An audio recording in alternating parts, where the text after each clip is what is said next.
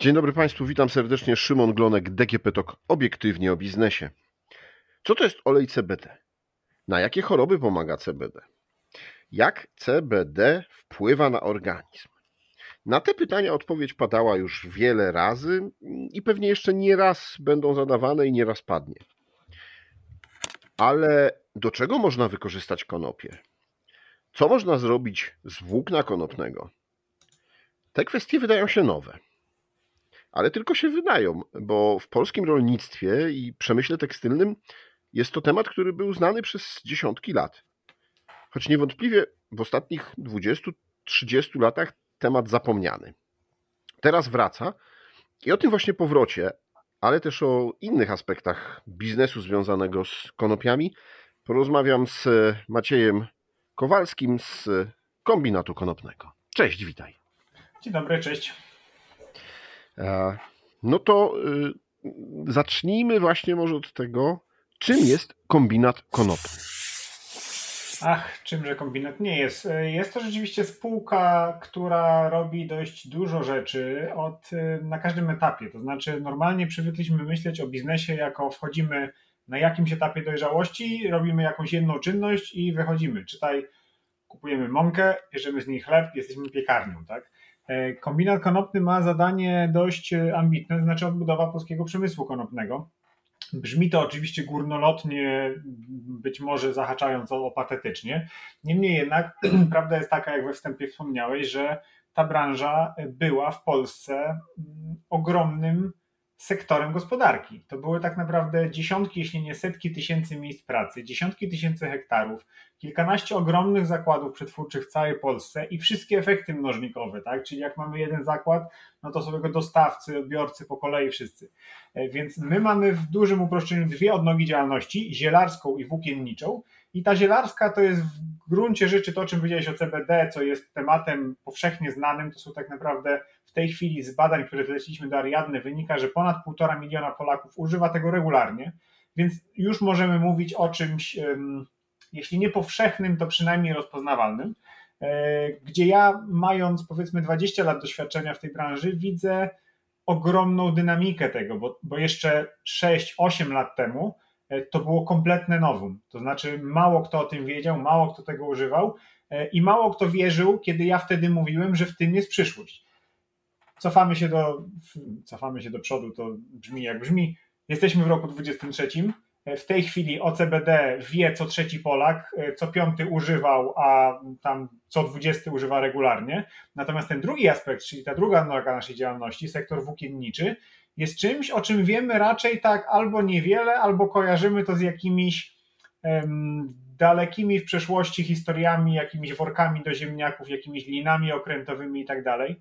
E, natomiast patrząc na to, co nas czeka w najbliższym pięciu czy dziesięcioleciu, ja jestem absolutnie przekonany, że to właśnie ten sektor włókienniczy przerośnie wielokrotnie sektor CBD i stąd kombinat konopny umiejscawia się w obu tych e, obszarach, czyli w tym, co już jest, ten rynek, ta część rynku konopnego, która już jest, która już przynosi nam przychody i w tej, która w tej chwili generuje nam koszty. Natomiast jesteśmy przekonani, że w długoterminowym na długoterminowym horyzoncie, to ona okaże się tak naprawdę kluczowa dla rozwoju spółki.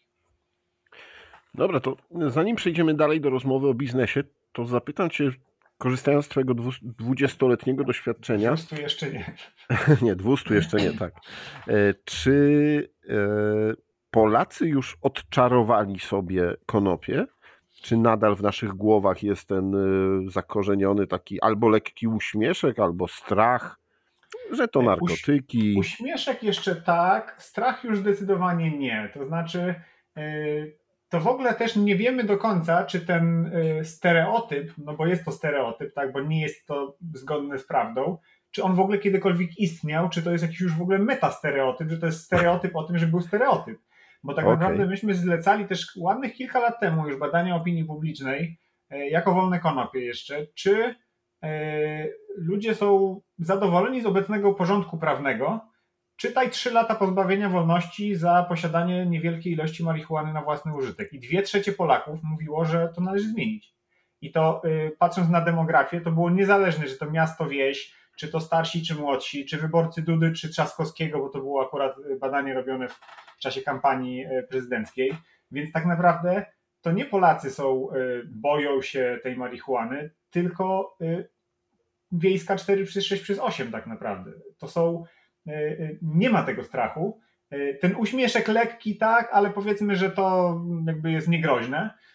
Natomiast to takie przekonanie, że jeżeli będziesz miał jakąkolwiek styczność z marihuaną, to skończysz na dworcu, no to jest gdzieś tam początek wieku, czyli pokłosie kampanii strachu prowadzonej przez pana Krzaklewskiego, przez panią Labudę, też przez pana Kwaśniewskiego w swoim czasie, tak? Ale to był krótki epizod tak naprawdę, kiedy marihuana z takiej trochę e, hipisowskiej gdzieś tam używki, która była z nami od zawsze, tak? Czy od zawsze, no przynajmniej w XX wieku, druga połowa e, była kojarzona z ruchem, nazwijmy to hipisowskim, czy jakieś wolne ptaki i tak dalej, czyli coś w głębokim podziemiu.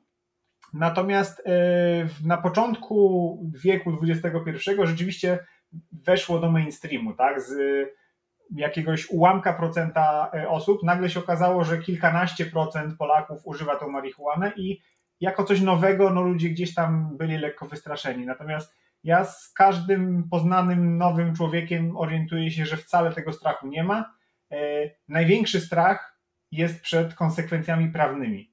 Więc to jest też wywołuje taki efekt tabu, no bo teraz już trochę się to zmieniło, bo jest dostępna medyczna marihuana praktycznie dla każdego. Każdy jest w stanie dostać receptę, mówiąc, że ma problem ze snem i ma dostęp do medycznej marihuany.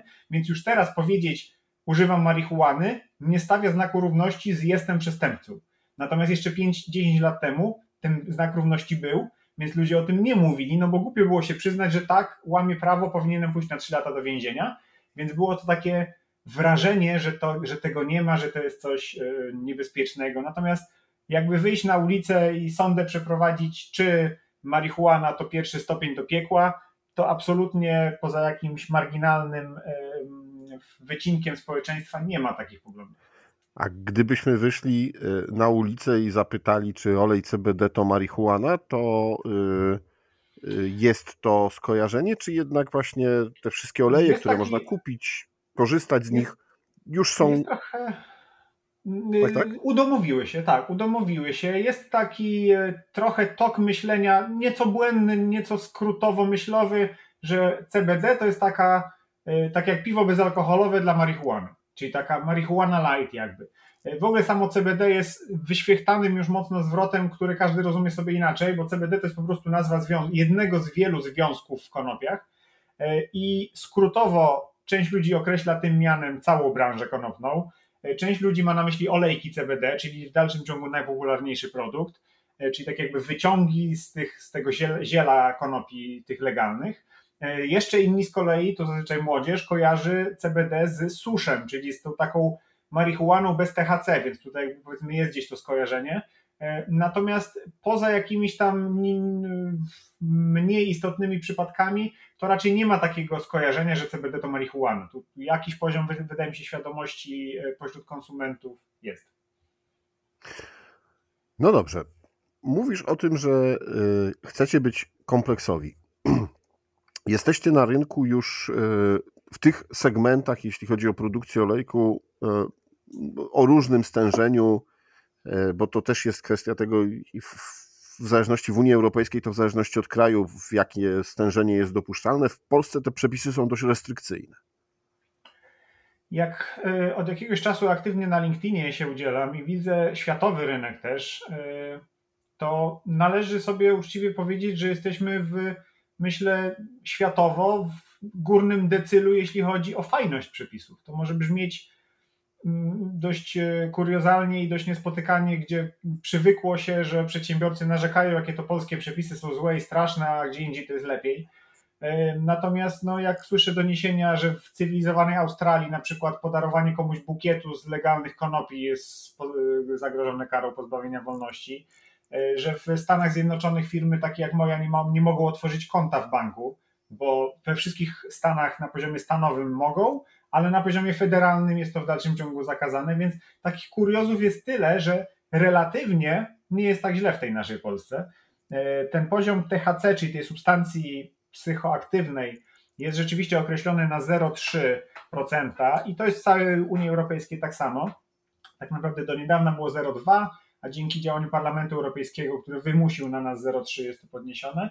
Uważam, że absolutnie bezpiecznym jest podniesienie do poziomu 1%, co ma Australia, co ma Szwajcaria. Nie widać tam narkomanów wtarzających się po ulicach z tego tytułu, e, więc w tym kierunku będziemy szli. Także ja jestem paradoksalnie tutaj tak nastawiony dość ciepło do, do polskich regulacji. Może z tego to wynika, że ja je po prostu znam, nauczyłem się z nimi żyć, bo oczywiście są idiotyczne jak wiele przepisów w Polsce. E, jeszcze głupsze są interpretacje i, i ta zmienność od powiatu do powiatu, która jest bo regulowane jest przez inspekcję sanitarną, która ma kompetencje na poziomie powiatowym, więc może być tak, że coś, co jest legalne w powiecie elbląskim, jest już teoretycznie nielegalne w powiecie braniewskim, co jest kompletnym idiotyzmem, no niemniej um, nauczyliśmy się z tym żyć. No dobrze, a ta druga odnoga, czyli właśnie wykorzystanie łodyg, słomy, jakkolwiek się to nazywa, czyli tego, z czego nie produkuje się olejków. E, tak, tutaj jest takie oczywiście skojarzenie automatyczne, że no mamy pewną synergię tego, że wykorzystujemy tą część zielarską, a później zostaje nam cała ta część łodygowa. To nie do końca jest prawdą, bo jednak dedykowane plantacje włókiennicze dają lepsze rezultaty niż, niż wykorzystanie jakby odpadu z produkcji e, zielarskiej, e, co widać też fajnie na przykładzie lnu, który jest bardziej rozpoznawalną rośliną, bardziej e, wolną od tego ciężaru skojarzeniowego i na plus i na minus, po prostu ludzie patrzą na nią neutralnie. Len uprawia się dwukierunkowo, można uprawiać albo len na koszule lniane, albo len na siemię lniane, czyli na ziarno. I zazwyczaj to są dwie różne plantacje, więc to nie do końca jest tak, że to jest, nie wiem, odpad z produkcji zielarskiej. No niemniej jednak w polskim ustawodawstwie konopie nie e, narkotyczne nazywane są konopiami włóknistymi. Ta nazwa no nie jest przypadkowa, bo to jest roślina, e, której 30% mm, e, masy łodygi stanowi naturalne włókno. Bawełna u nas nie rośnie, sizal u nas nie rośnie, ale rosną len i konopie. I to jest coś, co tak naprawdę razem z wełną stanowiły do XX wieku, może końcówki XIX wieku, podstawę y, wszystkich tekstyliów w kraju.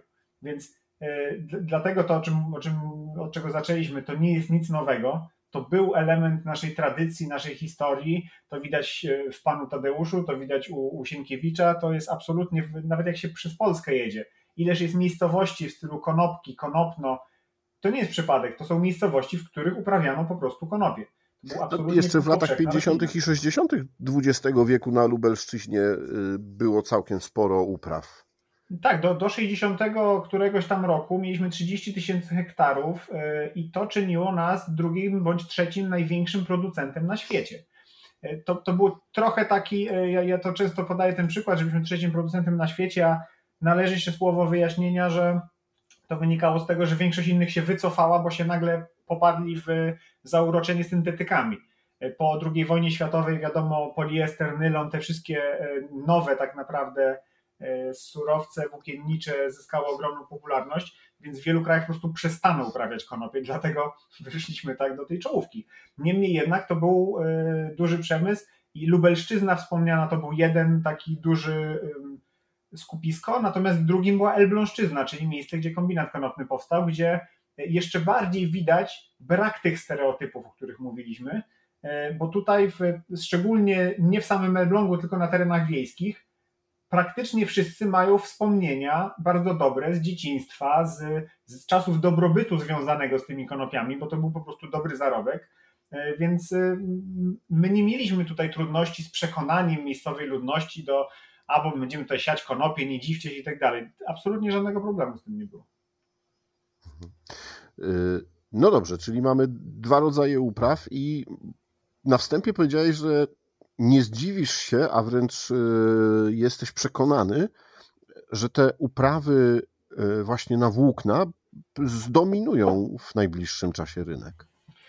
Tak, no już widać to na przykładzie Stanów Zjednoczonych, gdzie w tej chwili, jak czytam podsumowania 2022 roku, to jest pierwszy sezon od, od pewnie lat gdzieś tam 20-30, kiedy poprzednio były powszechne uprawy, e, kiedy e, włókiennicze uprawy przerosły w swym areale te zielarskie uprawy. Bo to wynika też z tego, że z, ja, ja, ja nie jestem w stanie w tej chwili tak z głowy podać dokładnych wartości, natomiast z jednego hektara zielarskiej e, uprawy mamy tysiące czy dziesiątki tysięcy jednostkowych opakowań produktu. Natomiast jeśli chodzi już o, nie wiem, zastosowanie jako ściółka dla koni, na przykład paździerzy, czy jako materiał budowlany, czy jako tekstylia, to mamy dużo mniej. Więc wolumeny po prostu wymagane sprawiają, że areał będzie większy potrzebny.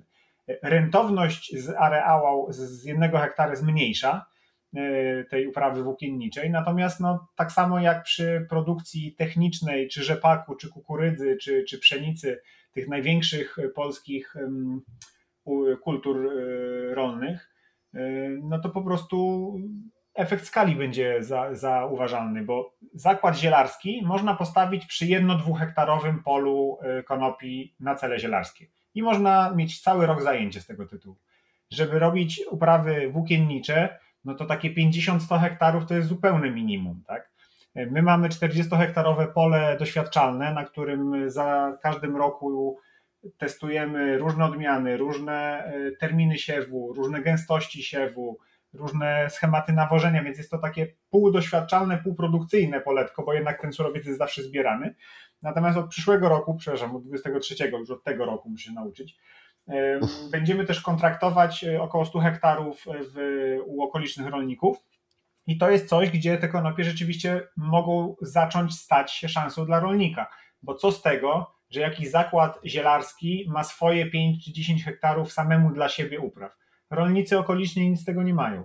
Nie są w stanie. Ja sam e, przez wiele lat, bo ja od, od 14 roku prowadzę firmy wcześniejszą, e, e, wcześniejszy się, że tak powiem, wycofałem i teraz kombinat konopny jest od 19 wprowadzony, ale, ale cały czas ta ciągłość była plantacji zielarskich. To, to było zbyt skomplikowane, zbyt wymagające nietypowych rozwiązań agrotechnicznych, żeby to podzlecać rolnikom. Myśmy to robili sami zawsze.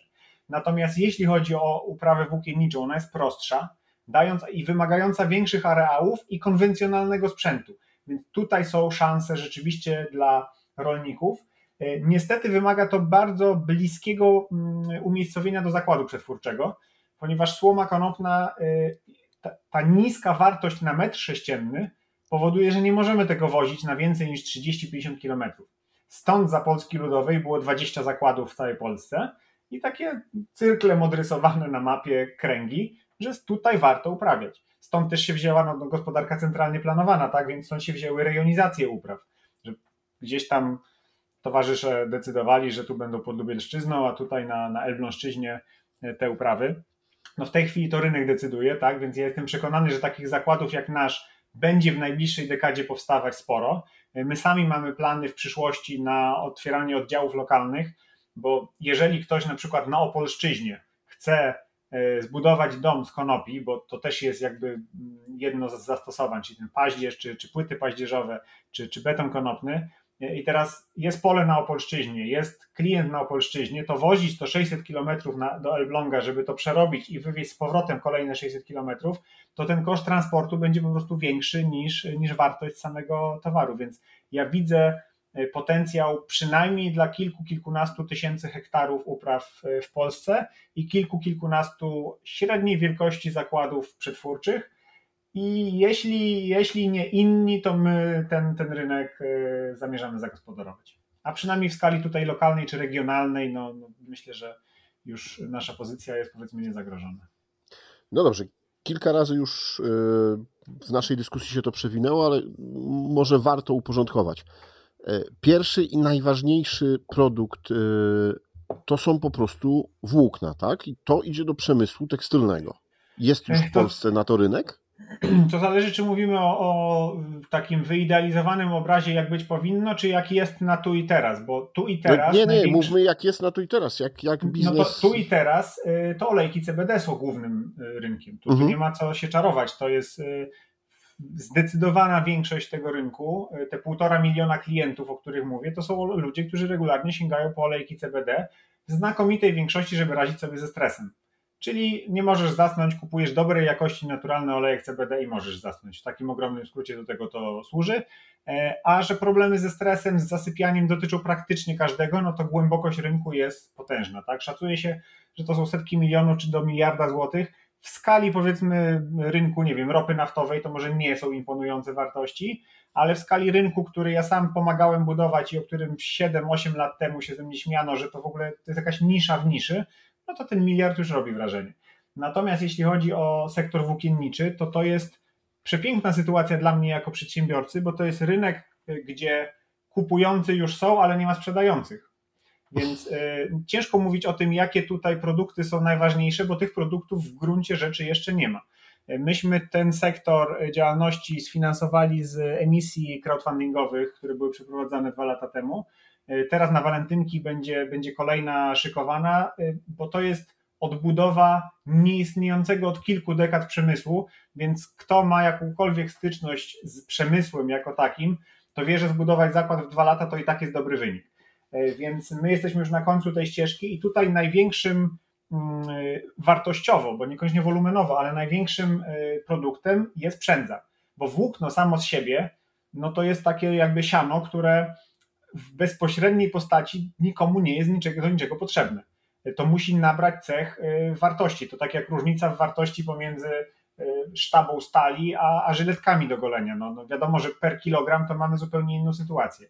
Więc naszym celem u którego jesteśmy już blisko, to jest produkcja przędzy y, z konopi uprawianych na naszym terenie. A jak mamy przędzę, czyli po normalnemu mówiąc nitkę, to z tej nitki już mamy czy y, tekstylia, odzieżówkę, czy tekstylia meblarskie na przykład, bo warto pamiętać, że Polska Elbląszczyzna chociażby jest dużym producentem mebli. Te meble tapicerowane to, to też wymaga obić wszelkiego rodzaju.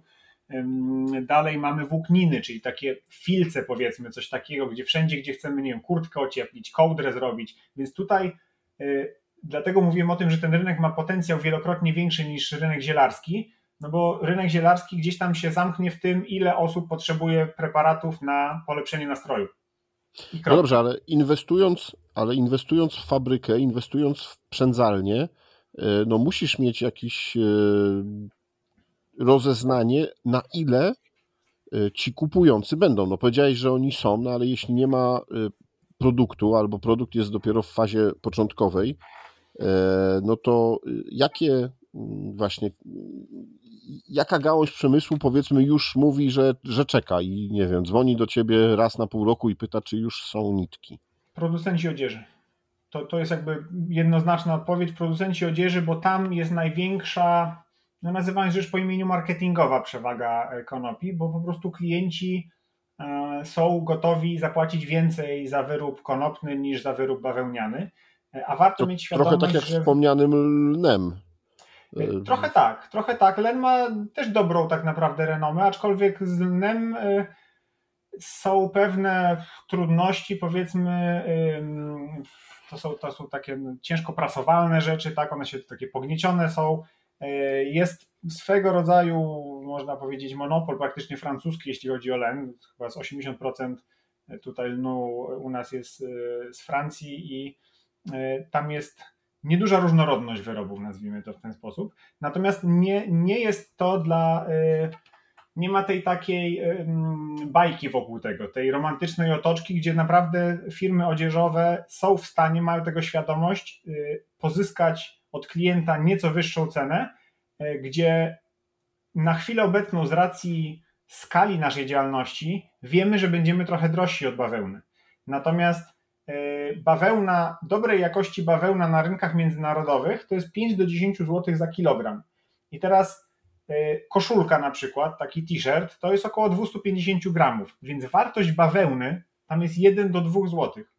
Więc nawet jak my będziemy dwa razy drożsi, i będzie to 2 do 4 zł, to koszt produkcji tej koszulki, bo wszystkie pozostałe koszty będą bez zmian, to jest o złotówkę 2. I producent odzieży ma doskonale świadomość tego, że on 10-20 zł więcej weźmie za ten produkt i po prostu ma większy, też masz powód, żeby się wyróżnić tym. To też nie jest tak, żeby, żeby była jasność, że to są tylko przewagi marketingowe, tak? bo to są rzeczy, które, które mają tendencję do bycia um, krótkotrwałym, bo, no, bo to jest jakaś tam moda, która jest i przemija. Może Natomiast, przeminąć. E, oczywiście, ja mam tego absolutną świadomość, natomiast są e, jednoznaczne zalety e, samego produktu i to można powiedzmy w trzech obszarach interpretować, czy analizować samego produktu jako takiego, czyli jego parametrów, jego właściwości. I tutaj konopie są najzwyczajniej w świecie bardziej wytrzymałe, są, mają właściwości bakteriostatyczne, czyli jeżeli my się w tej koszulce, mówiąc wprost, spocimy, to ona sama z siebie śmierdzić nie będzie. Jeżeli bawełnianą koszulkę przepocimy, rzucimy ją w kąt,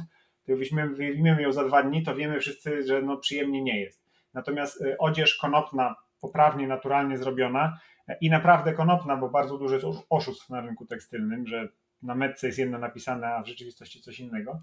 E, no, odznacza się tą, tą lepszą parametrami użytkowymi. W przyszłości niedalekiej, a, a ja patrzę na firmę przez horyzont bardzo długoterminowy, słychać na brukselskich korytarzach takie przebąkiwania odnośnie trwałości produktów, czyli to samo, co nie wiem, z pralkami i lodówkami Bruksela wymusiła na nas, że nie można sprzedawać produktu, który po trzech miesiącach się psuje.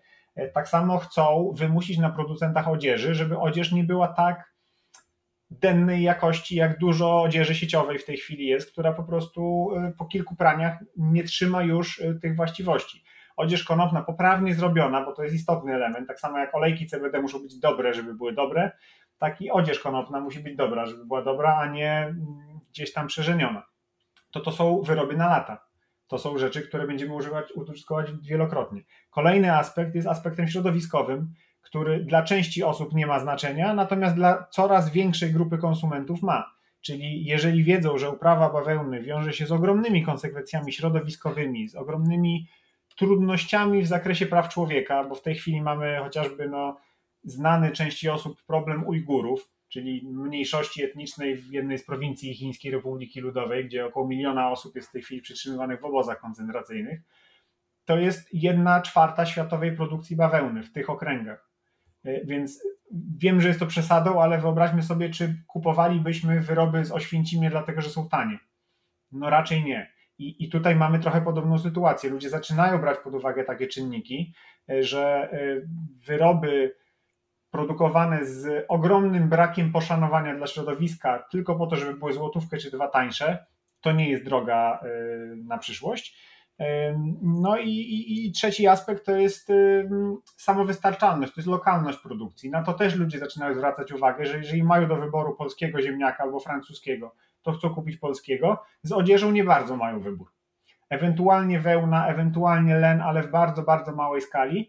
No a bawełny nie zrobimy u nas po prostu, tak? Więc e, tutaj też są mhm. jakby takie, takie czynniki, na których ja stawiam po prostu przyszłość tej firmy. A czy pozostałe produkty, o których mówiłeś, czyli właśnie te płyty paździerzowe, czy w ogóle paździerz, czy jakieś ścinki, e, to jest produkt uboczny już, e, czy na to trzeba osobno się nastawiać? W Stanach teraz się śmieją, że tak naprawdę to nie jest branża włókiennicza, tylko to jest branża paździerzowa bo z takiego tradycyjnego ujęcia, gdzie rzeczywiście za komuny to wydobycie włókna było celem, a paździerz się paliło po prostu w piecach jako paliwo, ewentualnie odbierały to zakłady mm, stolarskie, robiące te, te płyty paździerzowe, no, no, też niezbyt poprawny sposób środowiskowo, bo te kleje używane wtedy, w dalszym ciągu kleje używane do produkcji płyt meblarskich są dość ciężkim tematem. I wszystkie meblościanki komunistyczne to wszystko jest płyta paździerzowa. To są wszystko tak naprawdę konopie i len, które tam były używane. Na chwilę obecną rzeczywiście trwa też no, duży, duży boom na to, w dużej mierze ze względu na horrendalny wzrost cen drewna, bo to jest w pewnym sensie rodzaj takiego miękkiego drewna, ten paździerz, e, ale wolumenowo on stanowi 70% masy e, słomy konopnej. Więc jak najbardziej to nie jest odpad, to nie jest surowiec e, poboczny czy tak dalej, tylko to jest równoważna noga tak naprawdę działalności.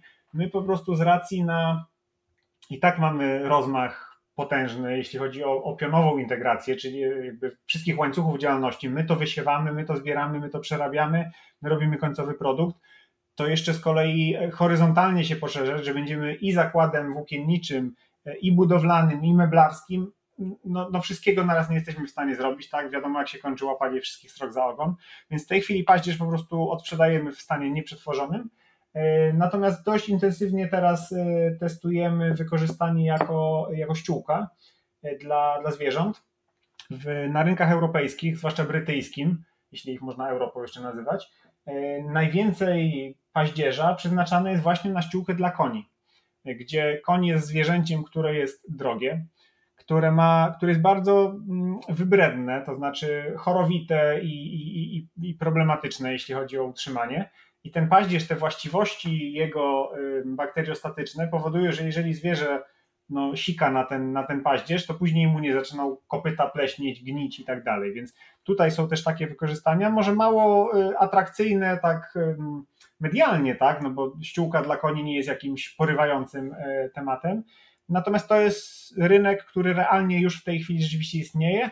Na rynkach europejskich ogólnie można powiedzieć, że jest wielki kryzys, jeśli chodzi o paździerze, bo tak jak ja z 8-10 lat temu gdzieś próbowałem ludzi namawiać do tego, żeby wykorzystywać te paździerze, to był śmiech na sali, nie było gdzie tego sprzedać po złotówkę za kilogram, tak teraz nie ma skąd tego kupić po 4 zł za kilo.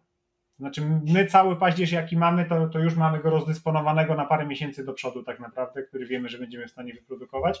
Więc znów z perspektywy e, firmowej, no jest to bardzo komfortowa sytuacja. Oczywiście przyciągająca też kolejnych, tak? Bo wiadomo, że zawsze, jeżeli jest ta nierównowaga popytu i podaży, to ona przyciągnie kolejnych przedsiębiorców, kolejne zakłady, które e, w końcu tą cenę gdzieś tam sprowadzą do e, bardziej atrakcyjnej dla klienta, co wydarzyło się w rynku CBD bo rynek CBD był jeszcze do niedawna bardzo nieprzystępny cenowo.